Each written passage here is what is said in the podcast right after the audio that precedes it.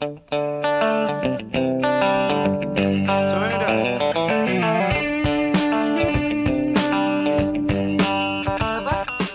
lama nih nggak nggak pesannya.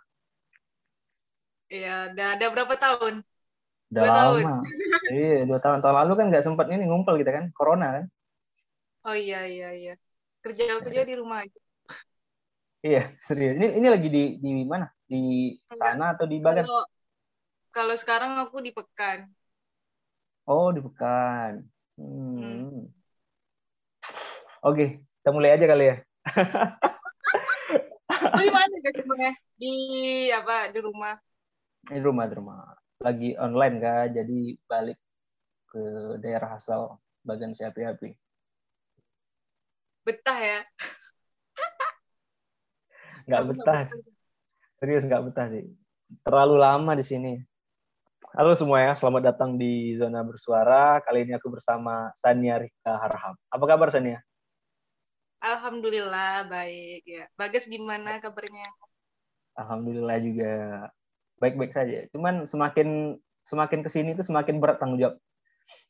Kayak oh iya harus ngurusin, iya kayak harus ngurusin kuliah.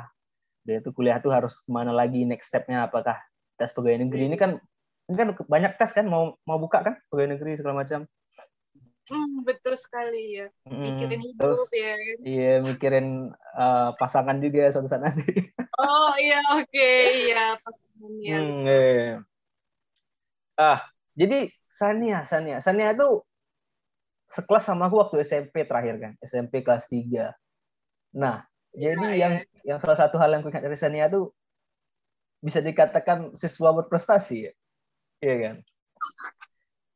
nggak Iya. juga iya kan? Siswa ada yang pintar. spesial jual- kayaknya dari aku lah Tapi tapi unik loh. Jadi dulu waktu SMP itu aku ngeliat Sania itu kayak Sania kan juara satu, cuman bedanya itu Sania itu nggak kutu buku loh. Jadi ada ada anak-anak yang pinter, cuma dia kutu buku kayak stylenya itu style anak-anak nerd gitu. Nah Sania Iya, tuh iya. waktu SMP itu kan beda ya, kayak anak-anak ya kalau dilihat dari luar tuh kayak oh ini kayak anak-anak ranking 10 besaran gitu loh. Padahal ranking satu ya. oh Nah, oke gitu itu iya jadi aku dari dulu penasaran pengen nanya gimana sih waktu itu tuh gimana cara belajarnya. Cuman nggak pernah kesampaian karena karena gengsi gengsi, gengsi sih waktu itu. Gimana kesannya serius? Aku nggak bohong. Ya mungkin kelihatannya aku nggak gitu ya. Nggak nggak nggak tipikal kayak suka membaca suka mengulang Hmm. pelajaran gitu ya. Iya, iya, iya. soalnya sebenarnya itu gini kan aku tuh eh, tipikalnya itu kalau misalnya guru menjelaskan ah itu aku kayak merhatiin kali gitu ah paham kan? Hmm. kayak yang apa yang dijelasinnya tuh dari eh, dari awal sampai akhir itu aku perhatiin kali. Makanya itu kan eh, ingat nggak dibilang Pak Hombing? Kalau Hmm. kalau Sania tuh kalau ngelihat ngelihat apa guru menjelaskan tuh kayak oh gitu matanya tuh kayak gitu kan. Ah, aku tuh kayak gitu. Jadi aku kalau guru tuh udah menjelaskan jadi ya kalau di rumah tuh aku paling ngulang-ngulang dikit lah gitu kan nggak nggak terlalu monoton kali aku kayak belajarnya gitu. Karena bosan juga kan kayak ngulang-ngulang pelajaran eh buka-buka buku lama-lama yang ada ngantuk nanti. Nah itu. Iya iya aku aku masih ingat tuh banyak guru komen ke Sania. Cuman kok bisa loh Sania loh? Kok bisa fokus di saat eh, penjelasan guru? Itu kan pada saat itu kan sebenarnya sih ya situasinya itu rame ya. Rame banyak ada main-main juga kadang-kadang siswa. Itu gimana cara fokusnya? Jujur aku pun nggak bisa fokus itu sih waktu itu. Gimana Sania rahasia ada nggak tipsnya?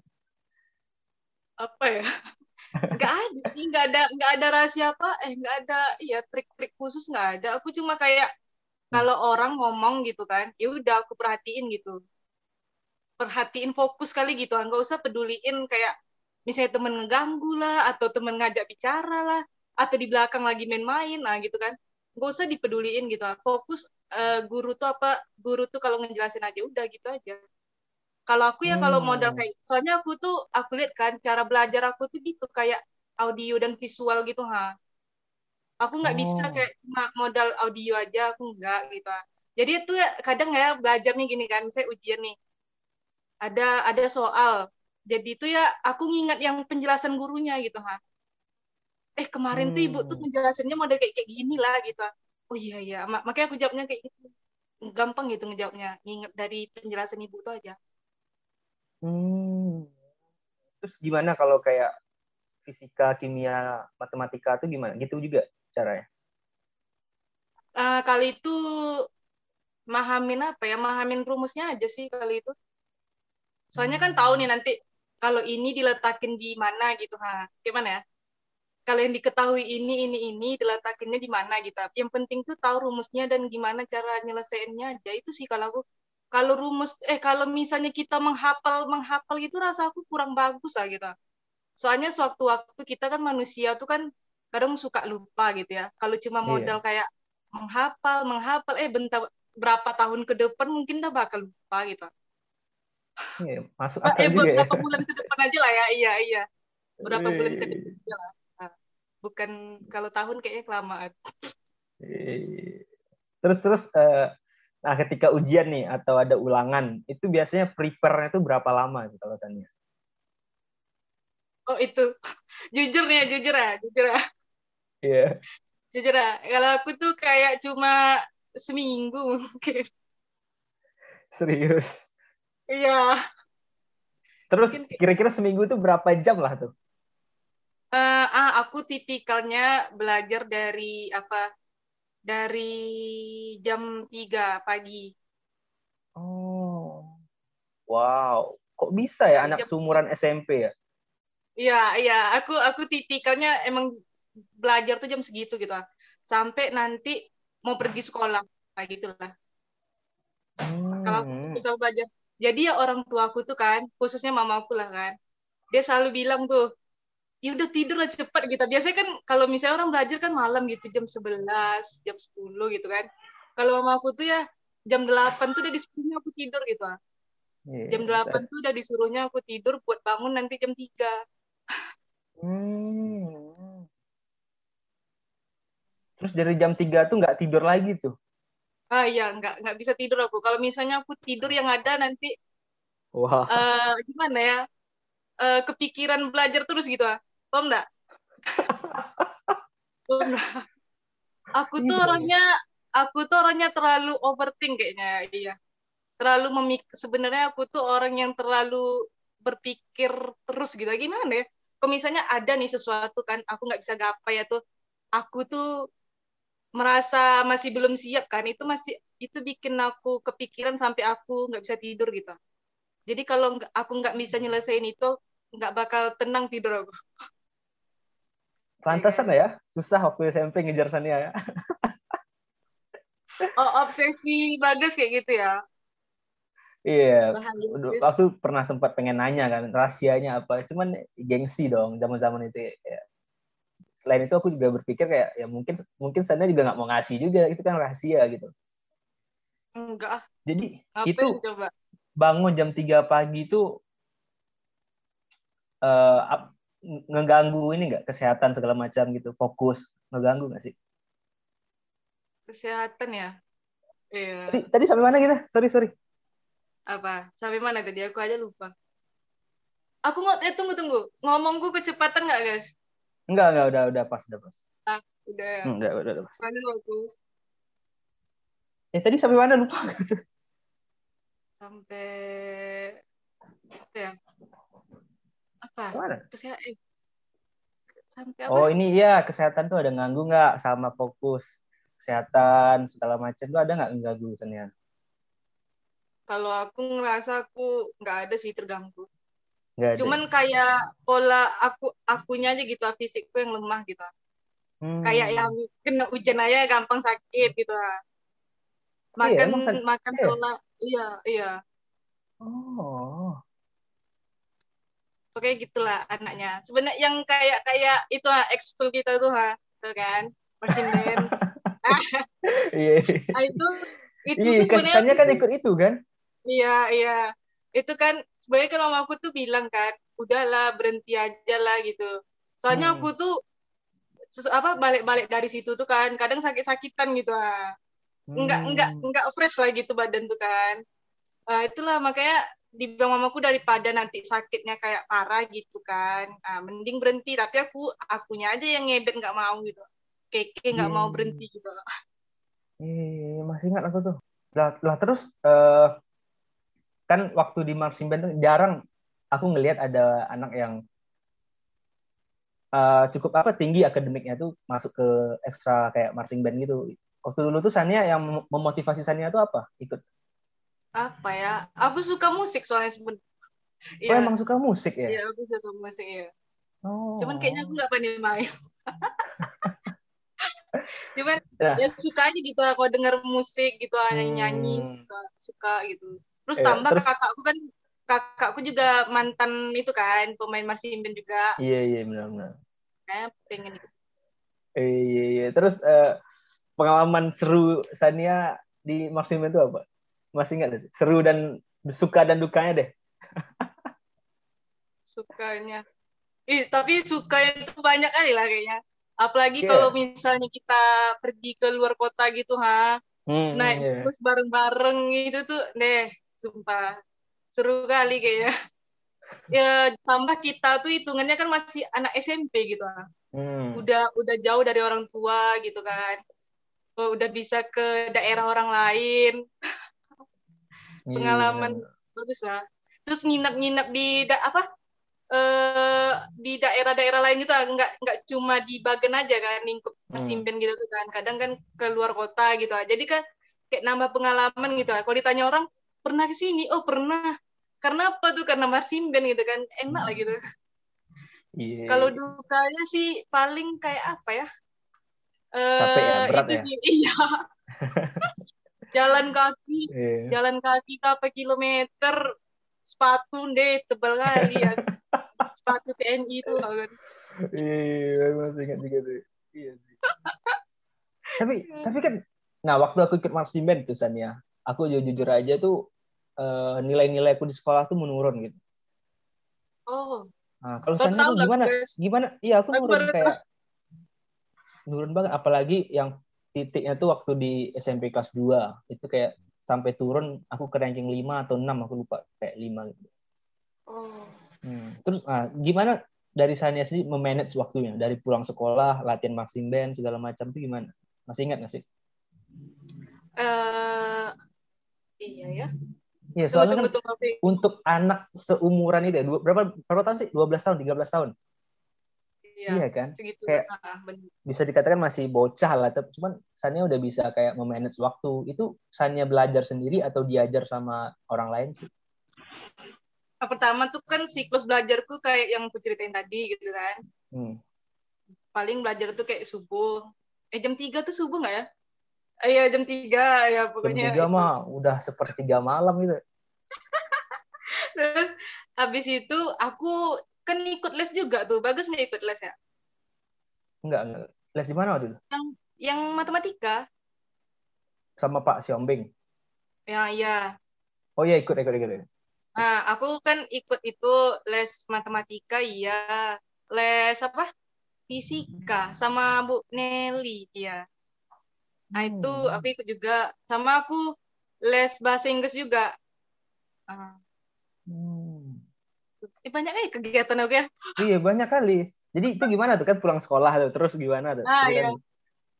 Eh, ya itulah dia kalau pulang sekolah SMP eh, jam eh iya Udah pulang sekolah tuh aku langsung les apa bahasa Inggris Ah, misalnya Hmm. nih les bahasa Inggrisnya hari Senin gitu kan Selasanya aku fisika gitu ha Hmm. nanti eh kadang eh fisik ya di learn fisika kan habis itu pulang dari fisika kan MTK gitu matematika Hmm. gitu Nah, habis itu besoknya bahasa Inggris lagi gitu ha Hmm.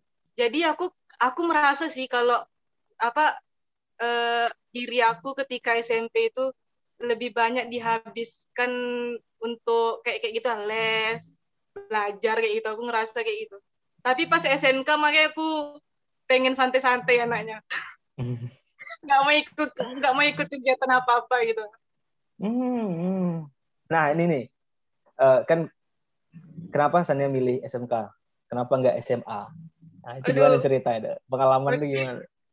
Nah, soalnya aku, ya aduh, susah ya sis Iya, soalnya aku Pengalaman jujur ya, aku waktu tanya sama si Santi Sinta waktu udah tamat SMP, aku kira Sania di SMA 1 loh.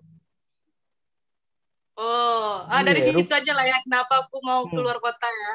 Iya, kenapa tuh? Sebenarnya Kenapa tuh? kan aku kan awalnya kan pengen masuk itu mah eh, SMA plus tau kan. Oh iya, iya, iya. Ah, kan kita daftar tuh, bagus daftar nggak? daftar daftar. Ah, cuman kan aku kalahnya di apa tertulis itu ya, yang tes tertulisnya gitu kan.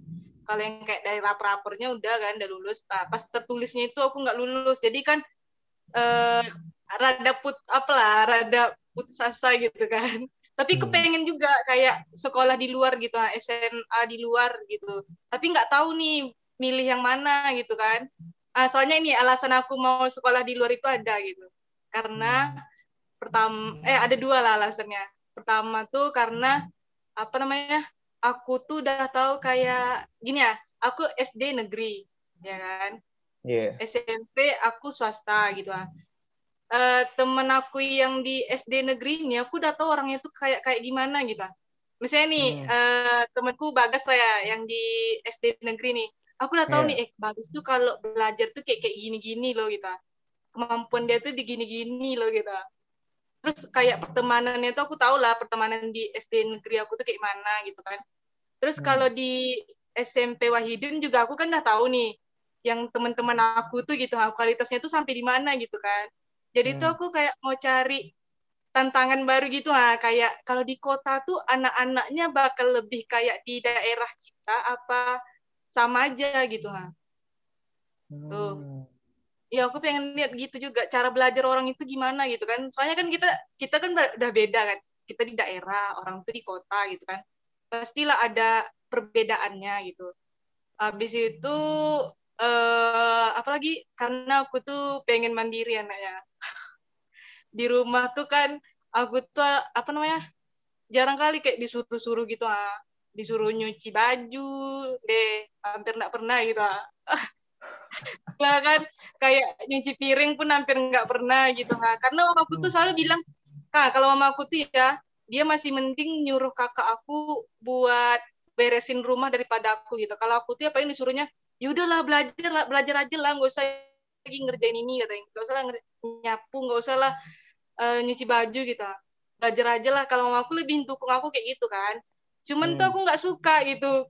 Aku tuh merasa eh kok kayak gini-gini aja manja terus aku gitu. Nggak ada peningkatan dari diri aku. Bakal gitu-gitu aja.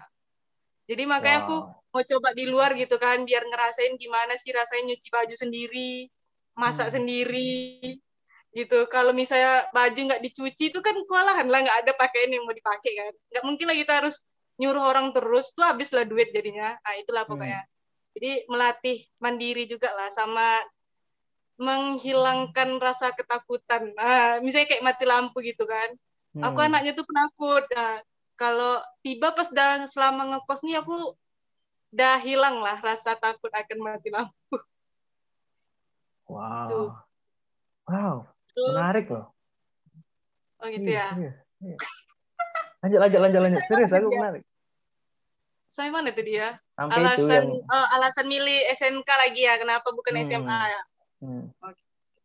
karena kalau ah, pertama tuh sebenarnya pengen SMA juga cuman tuh kan pas nyari-nyari SMA tuh nggak tahu gitu ada nggak ya SMA yang ada buka asramanya gitu ha? Biasanya kan yang ada asrama tuh pesantren gitu ya?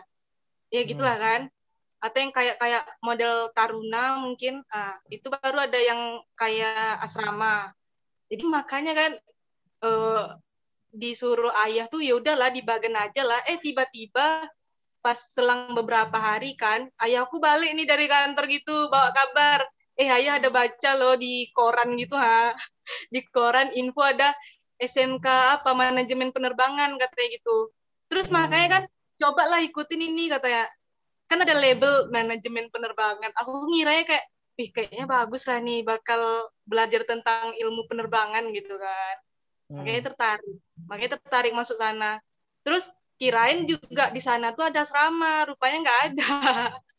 Rupanya ngekos. Ya udahlah mau nggak mau kan tuh Wow. A- ada enggak enggak justru aku kayak apa ya blow away blow apa blow my mind gitu loh pertama Hmm. soal uh, Sania pengen jadi anak yang lebih mandiri ya soalnya Hmm. aku punya lingkungan pertemanan ada beberapa teman aku tuh yang cowok cowok nih tapi dia sampai dari SMP SMA tuh memang jarang disuruh-suruh sama orang tuanya kayak dimanja gitu nah Hmm. orang-orang kayak gitu tuh malas malah nggak mau mandiri gitu loh dan Sania keterbalikan dari mereka gitu Sania wanita cewek justru Sania pengen mandiri itu yang jadi poin penting buat aku sih jadi aku tahu Sania jadi gitu ya. asik ya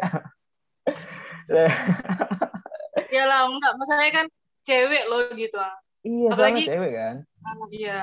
Mm. Nggak bisa masak, nggak bisa nyuci piring, nyuci baju tuh deh jelek lah image-nya gitu kan. Iya, terus terus di sana tuh waktu ngekos tuh beneran sendiri gitu loh. Maksudnya nggak ada nggak nggak ada saudara di sana atau gimana? Kalau saudara ada, eh ma- abang lah ya, itu kan saudara kandung ya. Iya, abangku kuliahnya di apa? Di UIN. Hmm. Cuman jauh sih jaraknya. Dia kan di Panam. Aku Iya. di apa kan di Pari Indah tuh. Jadi Hmm. jarang ketemu juga. Lebih banyak kan aku sendiri gitu, ah, kayak apa-apa sendiri, jalan kaki, KTM, ke Indomaret, Wah. gitulah. Iya. Tapi jujur ya, masa-masa SM apa masa-masa ngekos pas zaman SMK tuh berat kali rasanya daripada zaman-zaman kuliah kita ngekos. Kalau menurut aku. kenapa, kenapa tuh? Gimana tuh ceritanya? Karena kalau SMK ya bayangin ya kita masih SM apa nih baru lulus SMP. Hmm. tapi udah harus pisah dari keluarga. Kirain gitu kan, aku ngirain nih ya, kayak abang aku waktu pesantren gitu ha. Hmm. Sering ketemu temennya gitu. Adalah temen ngobrol gitu kan. Tapi rupanya pas waktu aku ngekos itu kan, temenku nih orang yang, eh temenku nih da- apa tinggalnya tuh asalnya tuh di banyaknya Bangkinang, Kampar, apa lagi? Yang dekat, de- yang jaraknya dekat gitulah. Jadi itu ya seminggu tuh pasti orang tuh pulang gitu ha. Oh iya. Kalau misalnya iya kan, jadi eh, apa namanya? Kalau libur yang tiga hari pulang orang tuh, itu ya seringnya tuh aku ditinggal sendiri juga gitu. Mau nggak mau Hmm. lah kan, iya. Jadi ya kadang tuh apa ngerasa kayak kesepian gitu lah, nggak ada teman gitu. Walaupun lah ya media sosial itu udah udah hits lah di zaman SMK kan, kayak media Hmm, iya. sosial. Cuman tuh aku merasa walaupun lah aku ngobrol sama orang di chat ini lama-lama gitu kan, tapi ngerasa kosong aja gitu. Tetap aja ngerasa kosong gitu. Karena aku lebih suka, karena aku tipikal lebih suka kayak ngomong secara langsung gitu, ah, mulut nyonyot gitu. Daripada ngetik. Iya. Enak kali, sumpah. Terus aku Eh. pengen juga kan kayak iri, eh aku iri gitu ah, lihat yang teman-teman aku yang dari Pekanbaru tuh, ah, setiap pulang sekolah dia pulangnya ke rumah, buka-buka pintu ada mama ya, ada ayahnya, ada adiknya gitu. Iya. Aku balik-balik buka pintu, kamar kosong. Wow. Itu gimana? Hari-hari Gitu. seminggu pertama tuh gimana? Sering nangis nggak? nangis lah aku. Dia nangis. Apalagi itu kalau nggak salah ya baru-baru masuk tuh udah dekat-dekat puasa lah kalau nggak salah ya. Pas aku kelas satu. Itu bayangin lah masuk apa eh, pas sahur kan orang ngumpul sama kayaknya makan sahur. Aku ngadep tembok aku. Makan sahur ngadep tembok. TV nggak ada ya kan? TV nggak ada. Nggak ada ngadep tembok lah Eh, buka pun gitu ngadep tembok juga kadang sedih sih kalau diingat kalau zaman SMK ya Iya, iya, benar sedih banget sih. Itu- tapi kalau kuliah enggak gitu sih enggak gitu lagi Udah beda, udah lebih besar ya dewasa ya. udah udah Jadi- strong lah Eh, Udah strong ya. Eh, Gila ya pengalaman sana ya, yang mungkin anak rumahan nggak pernah dapat seperti itu kan pengalamannya. Nah, eh, Hmm. tentu Sania kan bilang kalau Sania kan kayak anaknya itu kayak suka penasaran tentang hal baru, suka explore explore tempat-tempat Iya. baru. Nah, itu gimana tuh perubahan budaya pertemanan antara di kota kecil sama kota besar itu gimana? Gimana cara Sania juga beradaptasi dengan dengan anak-anak sana? Hmm, ah, Ada kesusahan nggak? Kalau susah sih ah, awal-awal, awal-awal aku pernah lah ngerasa kayak dibully pernah lah ya. Iya. Serius? Masalah iya, eh tapi tapi Oh. eh itu masuk bully apa enggak? Eh bentar aku ceritain dulu ya. Hmm. Bagus Iya. simpen aja. Jadi itu kalau pas pertama kali masuk SMK aku rada-rada itu sih pertama ya rada-rada minder lah kan.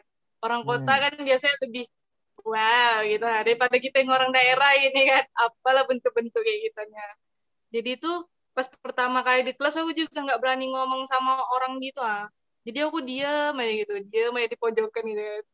Nunggu ada yang ngajak ngomong duluan gitu ah. Terus untung ada satu temen yang berani ngajak aku dulu apa ngajak ngobrol duluan. Ayo udah, cuma satu lah temen gue kan, satu temen deket gue kan.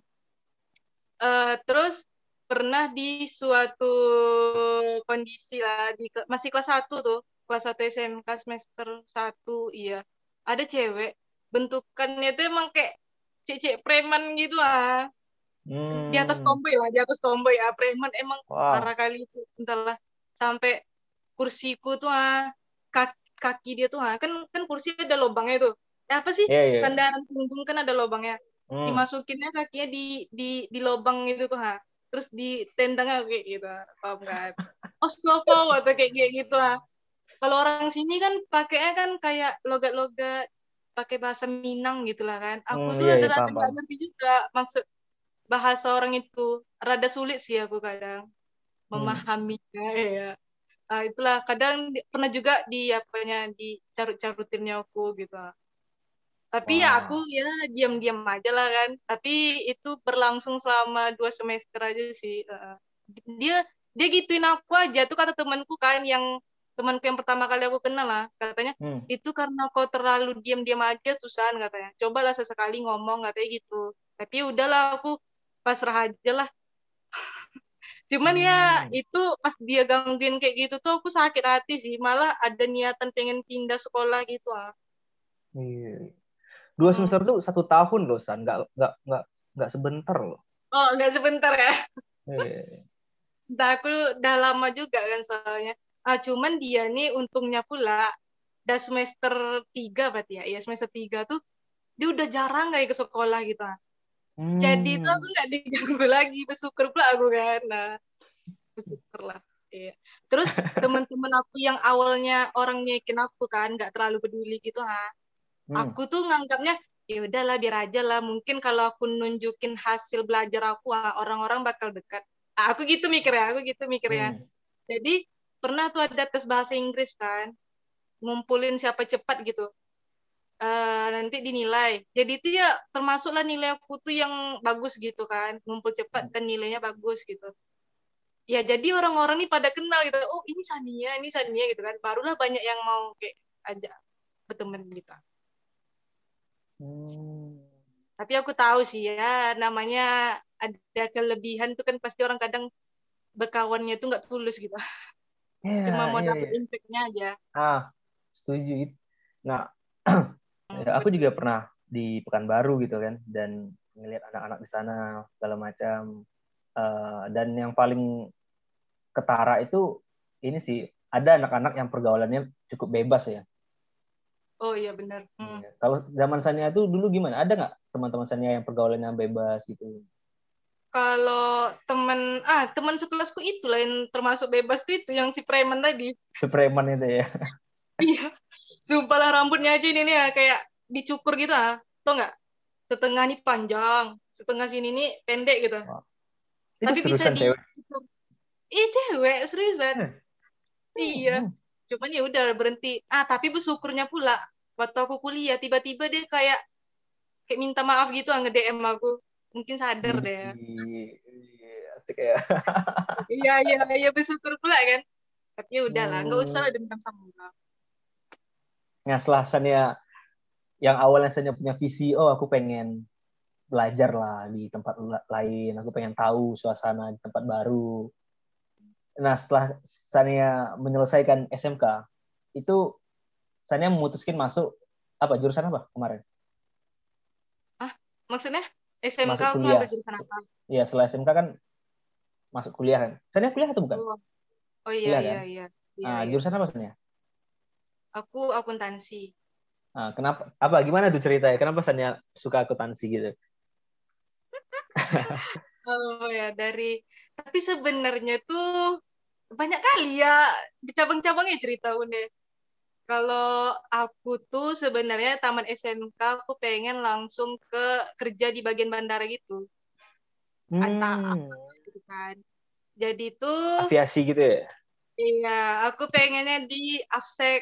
Ah, ada juga seniorku yang udah kerja di bagian AFSEC. Ada Hmm. pelatihannya di Palembang gitu.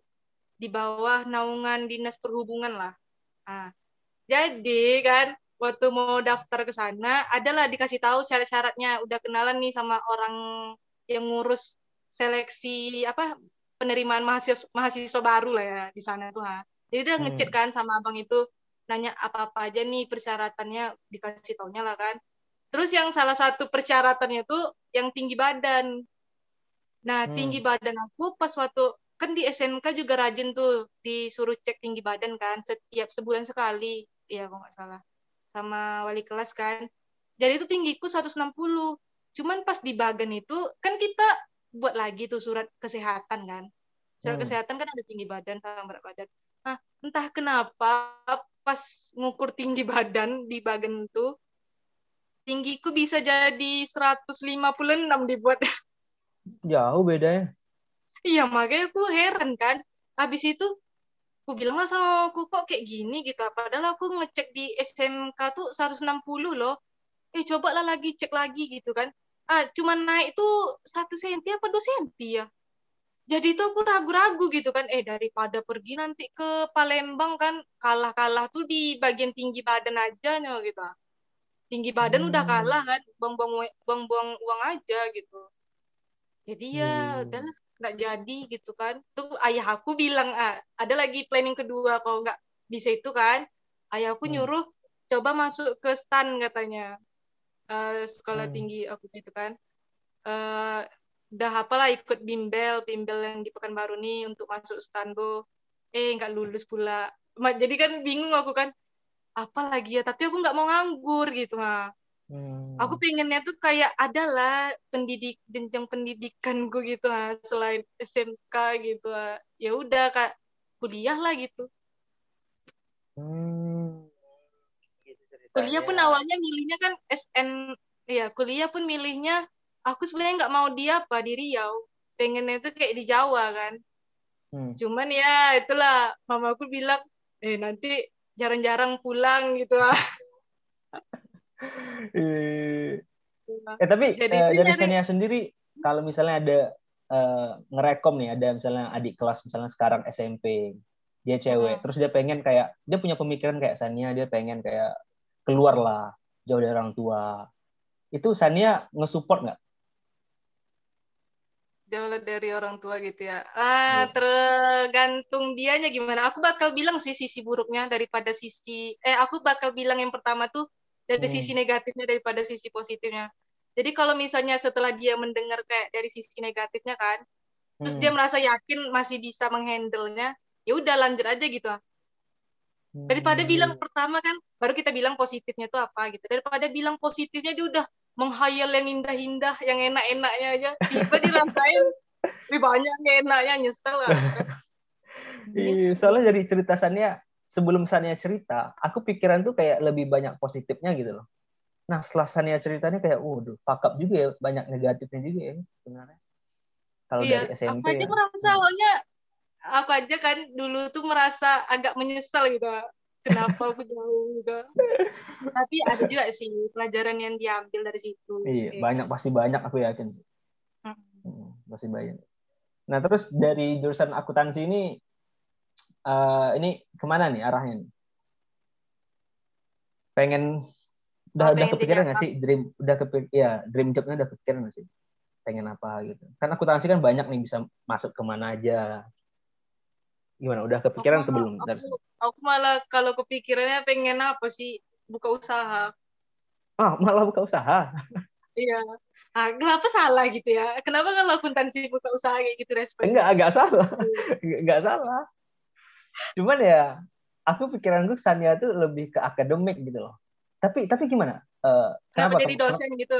Iya kayak lebih dosen gitu sama macam. Kenapa Sania lebih tertarik di bidang entrepreneur gitu? Apa ya? Aku ngerasa cocok untuk diriku yang sebagai perempuan sebagai perempuan. uh, kenapa kayak gitu? Pertama hmm. mungkin uh, apa? Waktu kerjanya itu lebih bebas gitu. Kalau aku yang punya usahanya ya.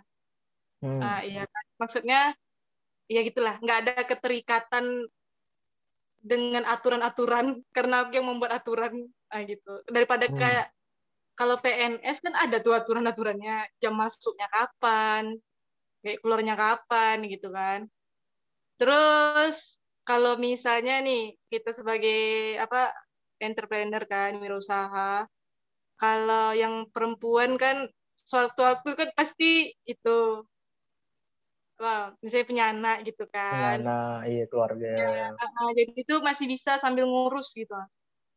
Hmm. Jadi itu nggak nggak nggak lepas dari bimbingan kita sebagai orang tua gitu, nggak lepas tangan kan kan kalau misalnya nih kayak kerja kantoran kalau waktunya tuh lama di situ aja gitu kan jarang ketemu anaknya kan bisa gimana ya uh, aku ngerasa uh, perilaku anak itu eh, bagusnya tuh diajarin sama orang tuanya langsung gitu. Entah pendidikan pendidikan dasar yang pertama tuh bagusnya dari orang tuanya langsung kalau menurut aku.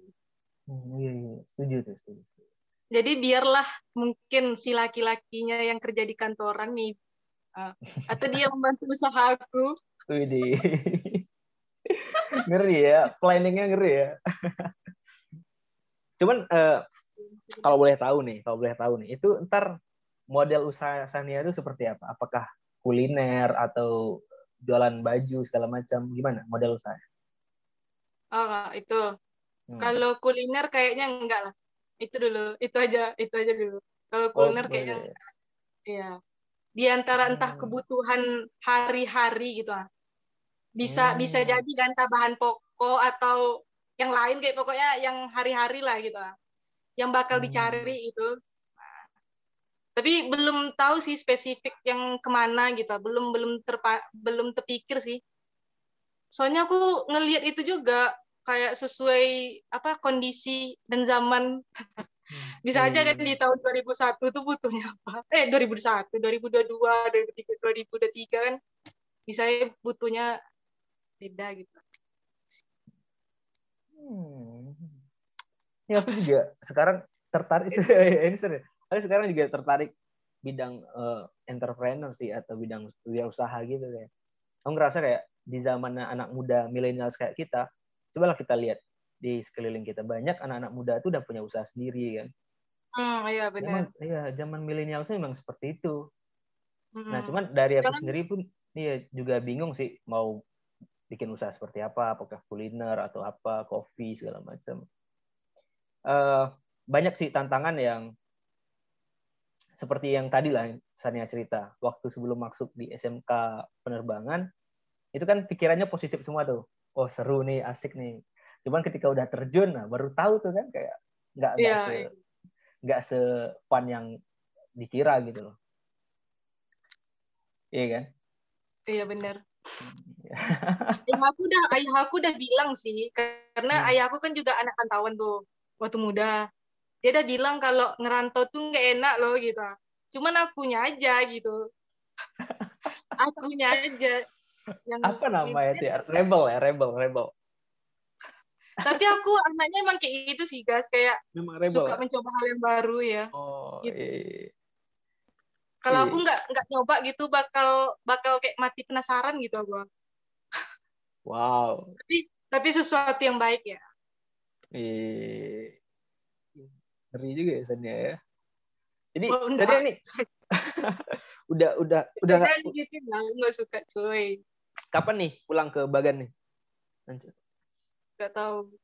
Nggak tahu aku nggak tahu lebaran di sini apa di sana katanya katanya bakal di apa lockdown lagi ya apa sih Kata, nggak katanya nggak boleh itu. ah itu iya. padahal aku pengen puasa di sana iya, Iya sih. Nah ini terus kesannya di Pekanbaru ngapa? Bukannya masih online? Ya biasa semester akhir. Hmm. apa nih? Apa, Apa? udah nyusun udah nyusun nih berarti nih? Ah, itulah nyusun-nyusun juga lah. Eh, sebenarnya tuh iya, iya. Iya. Nah ini kan ini kan biasa terakhir kan eh, waktu luangnya cukup banyak ya, nggak banyak banyak kali sih, cuman ada lah. Itu dihabiskan tuh apa Sani? Biasanya. Ini ah tuh tambah lagi kemarin aku ke Pekanbaru itu juga karena ada kegiatan gitu ha. Eh ada nggak sih lihat foto aku pas di story Yang mana nih? yang apa? Jadi itu relawan pajak itu ah. Oh iya, tahu ada ada, ada, tahu, tahu. Aku kira waktu lihat itu Sania udah kerja, sumpah. Eh Sania udah kerja ya, anjir, gue bilang. Bukan itu nggak itu nggak kerja sih, cuman berharga aja rasa pengalaman kayak gitulah. Walaupun labelnya relawan ya. Hmm. Itu emang dari Jadi kan kampus dari- atau gimana? Iya, dari kampus. Jadi kan kayak kampus di di Pekanbaru nih kayaknya semua kampus tuh ada tech centernya gitu ha. Jadi kalau Hmm. orang yang mau lapor SPT, pajak atau apa gitu kan, nggak perlu lagi harus da- langsung datang ke KPP-nya gitu. Bisa pergi Hmm. ke eh, tech center yang ada di masi- masing-masing univ gitu ha. Sama kan kayak Oh. corona juga kan, kan KPP udah tutup gitu. Eh, bukan udah maksudnya nggak boleh lagi orang datang secara langsung gitu. Jadi ya Hmm. diarahkan ke tech center tech center itulah. Nah, aku menarik nih kalau soal bicara tentang pajak ya. Kalau menurut Sania nih, pajak di Indonesia Hmm. ini udah udah cukup adil nggak sih? Maksudnya tuh Cukup. pajak untuk orang-orang yang eh, ekonomi yang rendah, menengah, atas tuh udah adil belum sih sebenarnya di Indonesia nih? Eh, itu ya. Hmm, ada Kalau ada sebenarnya ini ekonomi sebenarnya gini loh, guys.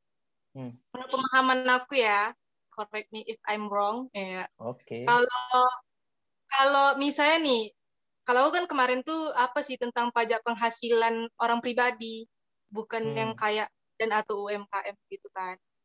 Jadi kalau misalnya orang pribadi yang karyawan sih, rasaku masih wajar-wajar aja sih pajaknya, enggak yang dibilang terlalu tinggi, enggak, dibilang eh, iya sih, dibilang terlalu tinggi, enggak pas-pas lah kita.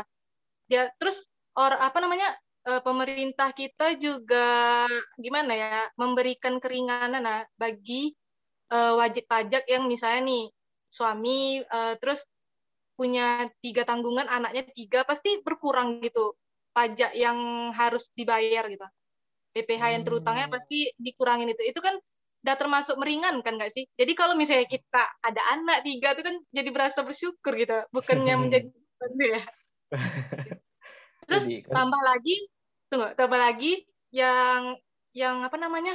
Yang pajak itu tuh kan dipotong itu lebih ke penghasilannya yang lebih tinggi gitu ah. Kalau orang Hmm. pribadi ya kayak yang apa eh, penghasilan dia tuh satu ta- dalam satu tahun itu lebih dari 60 juta itu baru yang kayak dipotong gitu pajaknya Hmm. kalau misalnya di bawah 60 juta itu masih enggak Oh, di bawah gitu ya. PTKP Hmm. Kalau tapi kalau yang gimana kalau ya lanjut lanjut. Eh, itu nanti aja dulu ngomong apa.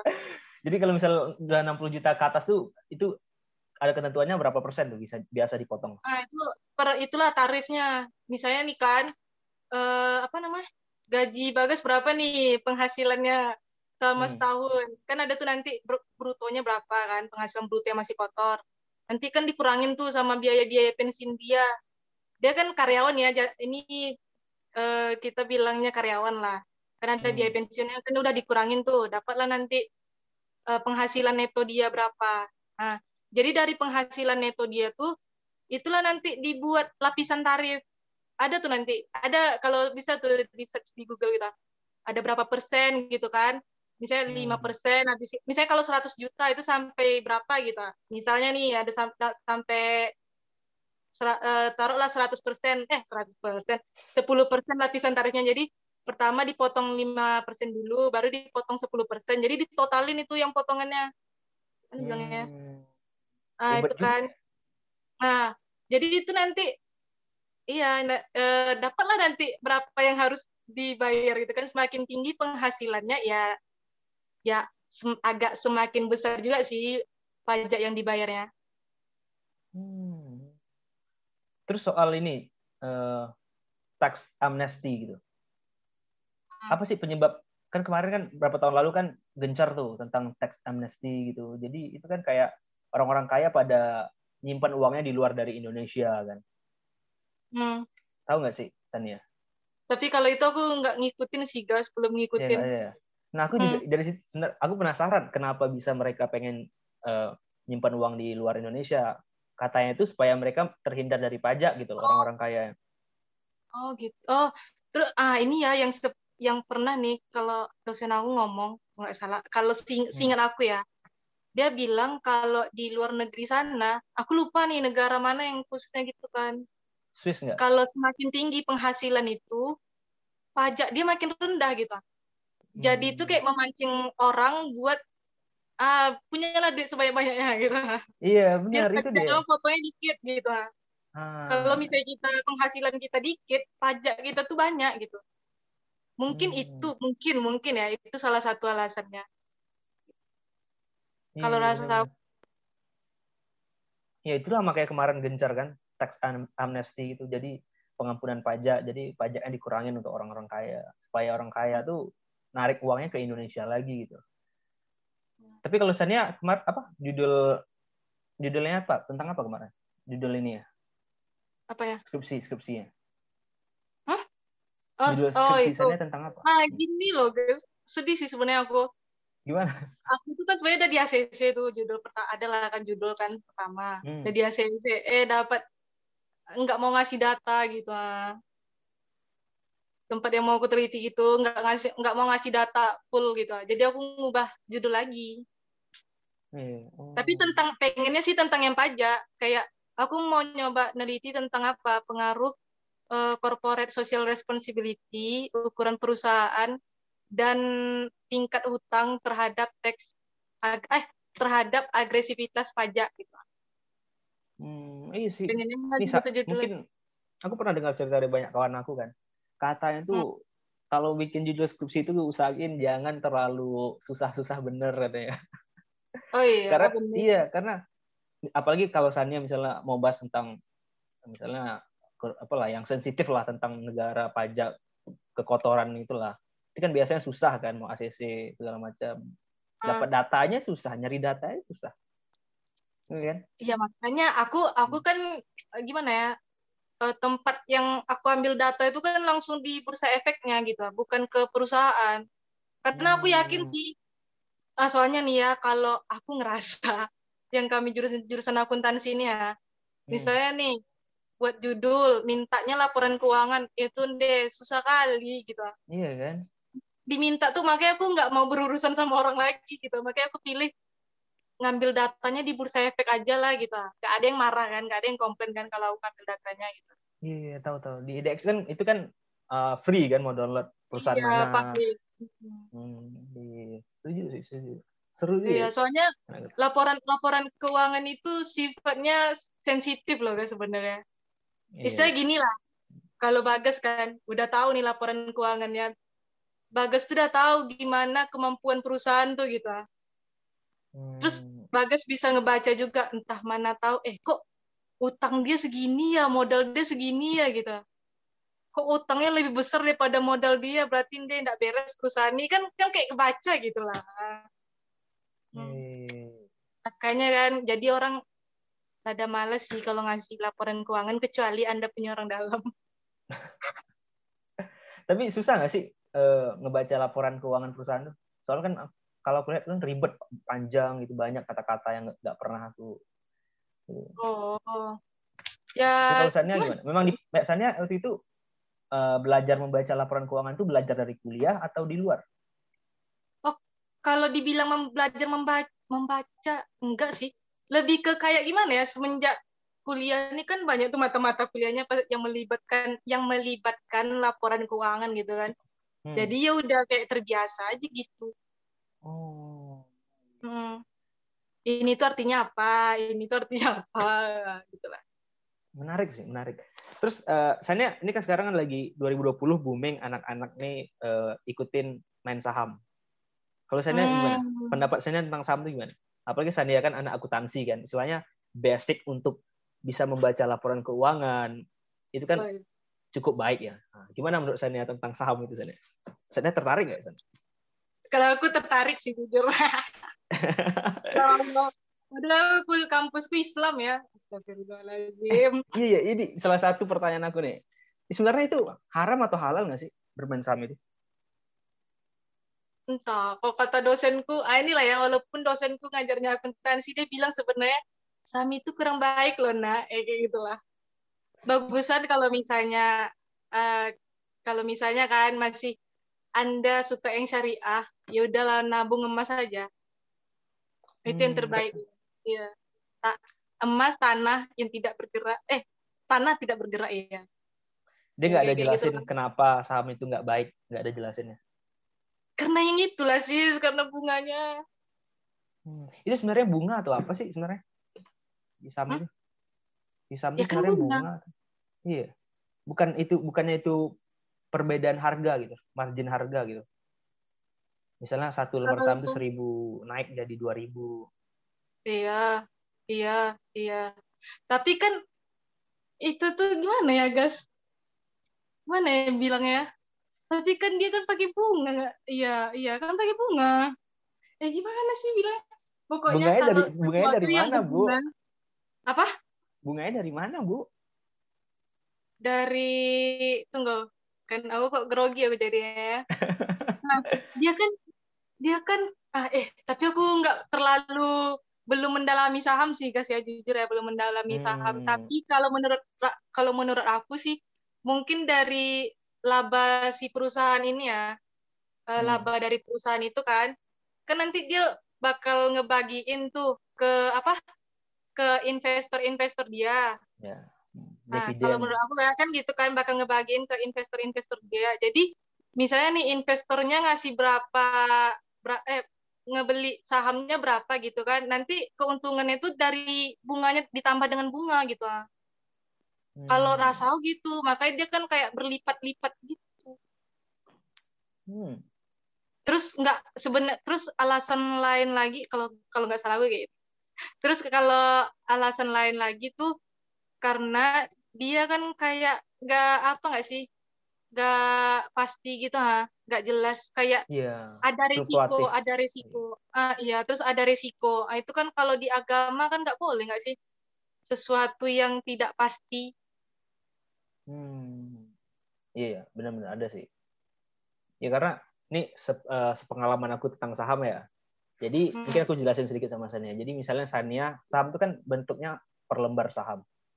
iya benar Nah, jadi eh, kita bisa beli eh, saham itu eh, dalam bentuk saham, dalam bentuk lembar saham gitu. Misalnya saham Garu apa PT Garuda Indonesia misalnya. Sania beli misalnya satu lembar saham tuh harganya contohnya seribu.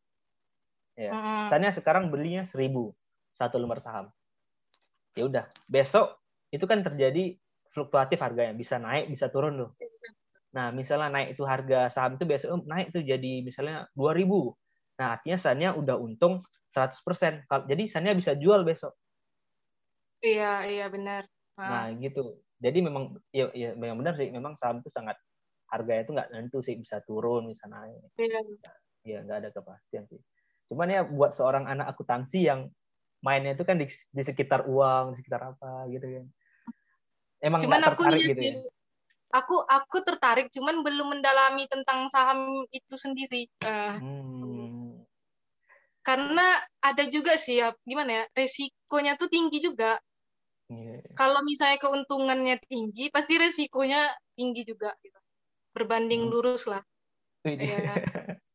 Iya. iya iya emang kayak gitu cuman kalau misalnya nih bagas kalau nggak mau resikonya terlalu tinggi pasti nanti yang Hmm. dividennya nggak terlalu tinggi juga kan Iya. Ke- yang kita dapatnya nggak terlalu tinggi juga kan ah itu tuh mainnya di obligasi kalau Hmm. yang sama aku pelajari lah dibilangnya gitu yang Hmm. obligasi kalau nggak mau resikonya terlalu tinggi tapi ya itu yang didapatnya nggak terlalu besar nggak sebesar saham Hmm, iya. Kalau ini sih, kalau ini San apa eh, emas emas aku pernah ngecek harga emas gitu. Kenapa sih harga emas tuh kalau kita beli itu jauh lebih murah, eh mahal ya? Ya kita beli mahal, cuman kalau dijual tuh kenapa harganya murah gitu? Harga yang ju- dijual murah. Pernah pakai Da- saya jual da- murah? dalam dalam dalam hari satu hari itu, misalnya dalam satu hari itu kita beli tuh harga emas ditawarnya misalnya satu juta misalnya. Jadi kalau dalam satu hari itu kita jual juga langsung jual misalnya nih, itu nggak nggak sejuta sebenarnya, jadi 900 berapa gitu, 950 ribu. Oh. kalau sih? kalau alas kalau kalau itu aku belum pernah ngecek tapi aku pernah baca di ngomu ada tuh eh, di YouTube channel namanya ngomong ngomongin uang gitu. Itu Hmm. tuh dia pernah bilang apa namanya pernah loh harga emas itu turun gitu. Eh, kan Hmm. kita kan selalu beranggapan bahwa harga emas itu bakal naik terus kan. Terus dia bilang pernah emas itu turun kalau eh, apa namanya eh, saham. Ah kalau kalau saham itu naik gitu lah katanya. Kalau saham itu naik harga emas tuh bisa turun katanya gitu. Hmm. Kalau harga kalau la- saham lagi naik-naiknya itu bisa em, bisa membuat kayak harga emas itu jadi turun gitu. Tapi kalau misalnya harga saham itu apa namanya kadang naik, kadang turun, nah itu apa sih harga emas tuh masih bisa naik lah gitu. Hmm. Mungkin mungkin harga emas turun pas mungkin harga emas turun ketika lagi harga sa- har- apa ketika saham mungkin lagi naiknya gitu. Maybe. Soalnya, soalnya aku Iya. baca gitu di di, Weh. di eh,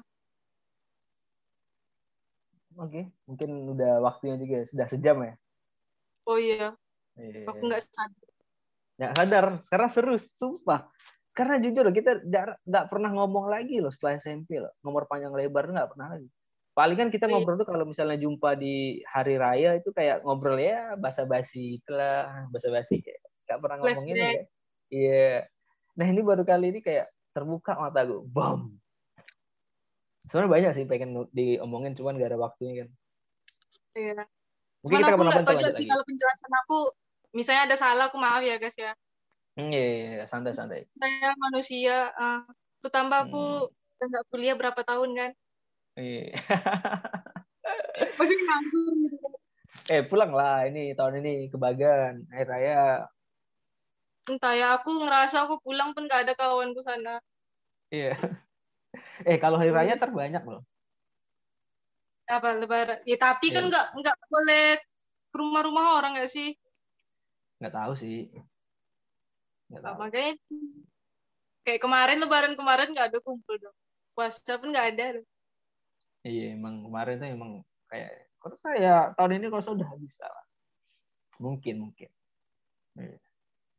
oke deh terima kasih Sania Sania Arhab udah meluangkan waktunya Oke. Eh, Mas- semoga sukses semoga tercapai semua tujuan dan impiannya dan semoga kita dapat berkumpul kembali As. Amin, amin, amin. terima kasih Sania ya selamat malam Selamat malam. Bye.